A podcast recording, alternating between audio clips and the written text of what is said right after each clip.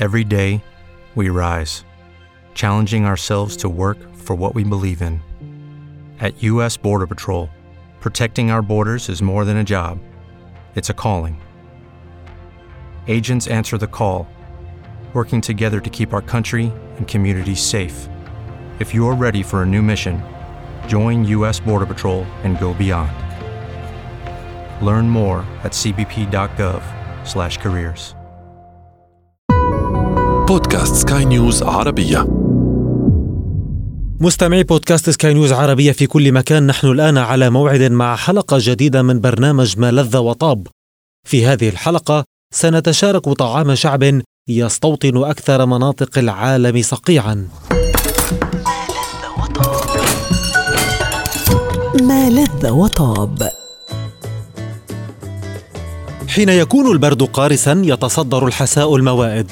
لأن أمهاتنا وجداتنا يعتقدن أنه يمدنا بالدفء لكن حين تهبط درجات الحرارة إلى الأربعين تحت الصفر فإن أولى من قد يجيبنا ما الذي يدفئ الأمعاء هم شعب الأسكيمو أو بتوصيف أدق الإنيوت نعم هم شعب الإنيوت وليس الأسكيمو لأن هذا الشعب الرائع الذي يقطن في أقصى شمال الأرض في أمريكا وكندا وروسيا وغرينلاند لا يحبذ تعبير الأسكيمو كونه عنصريا ويعني الشعب الذي يأكل اللحوم النيئة.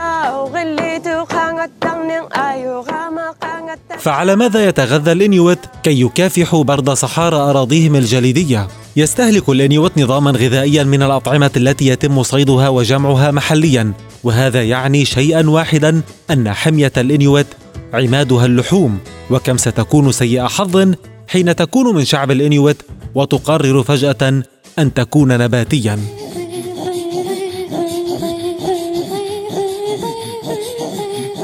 الإنيوت يطبخون لحوم الثدييات البحرية مثل الفظ والفقمة والحيتان كالحوت الأبيض والحوت مقوس الرأس.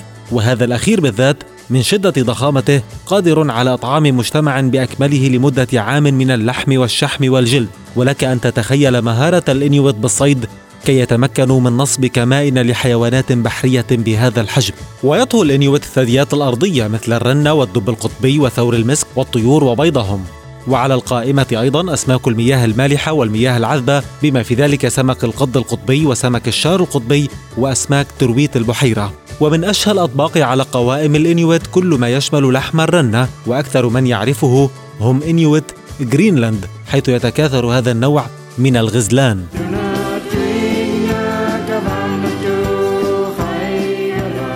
فبالاعتماد على اللحوم بكثرة يلجأ الإنيويت إلى تدفئة أجسامهم وتعويض النقص الكبير بالنباتات بسبب قحالة مناطقهم. لكنها إن كانت نادرة فالإنيويت يتغذون على نباتات كتوت ال crowberry وال cloudberry. وأيضا ضمن حمية الإنيويت جذوع نباتات التندرا والعشب البحري الذي تعرفه سكان المدن البحرية.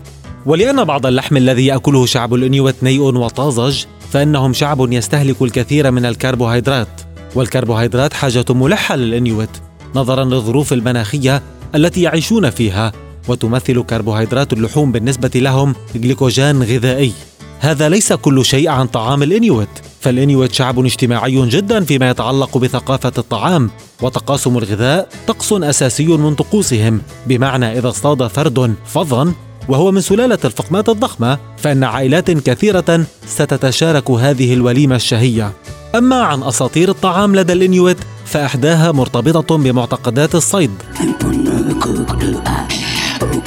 فثمة اعتقاد أن هناك اتفاق بين الفقمة وصياد الإنيويت ويردد كبار السن الإنيويت أن الفقمة تسمح للصياد بقنصها لإشباع جوع عائلته وهذا فيه منفعة للطرفين. الصياد يأكلها ليعيش والفقمة من خلال تضحيتها تحيا بحيث تصبح جزءا من جسم الإنيويت.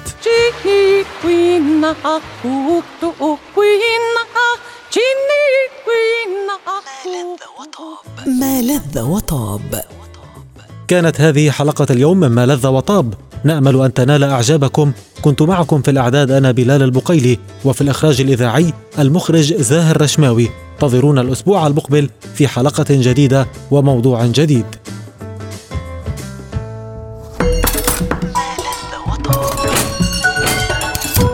لذ وطاب.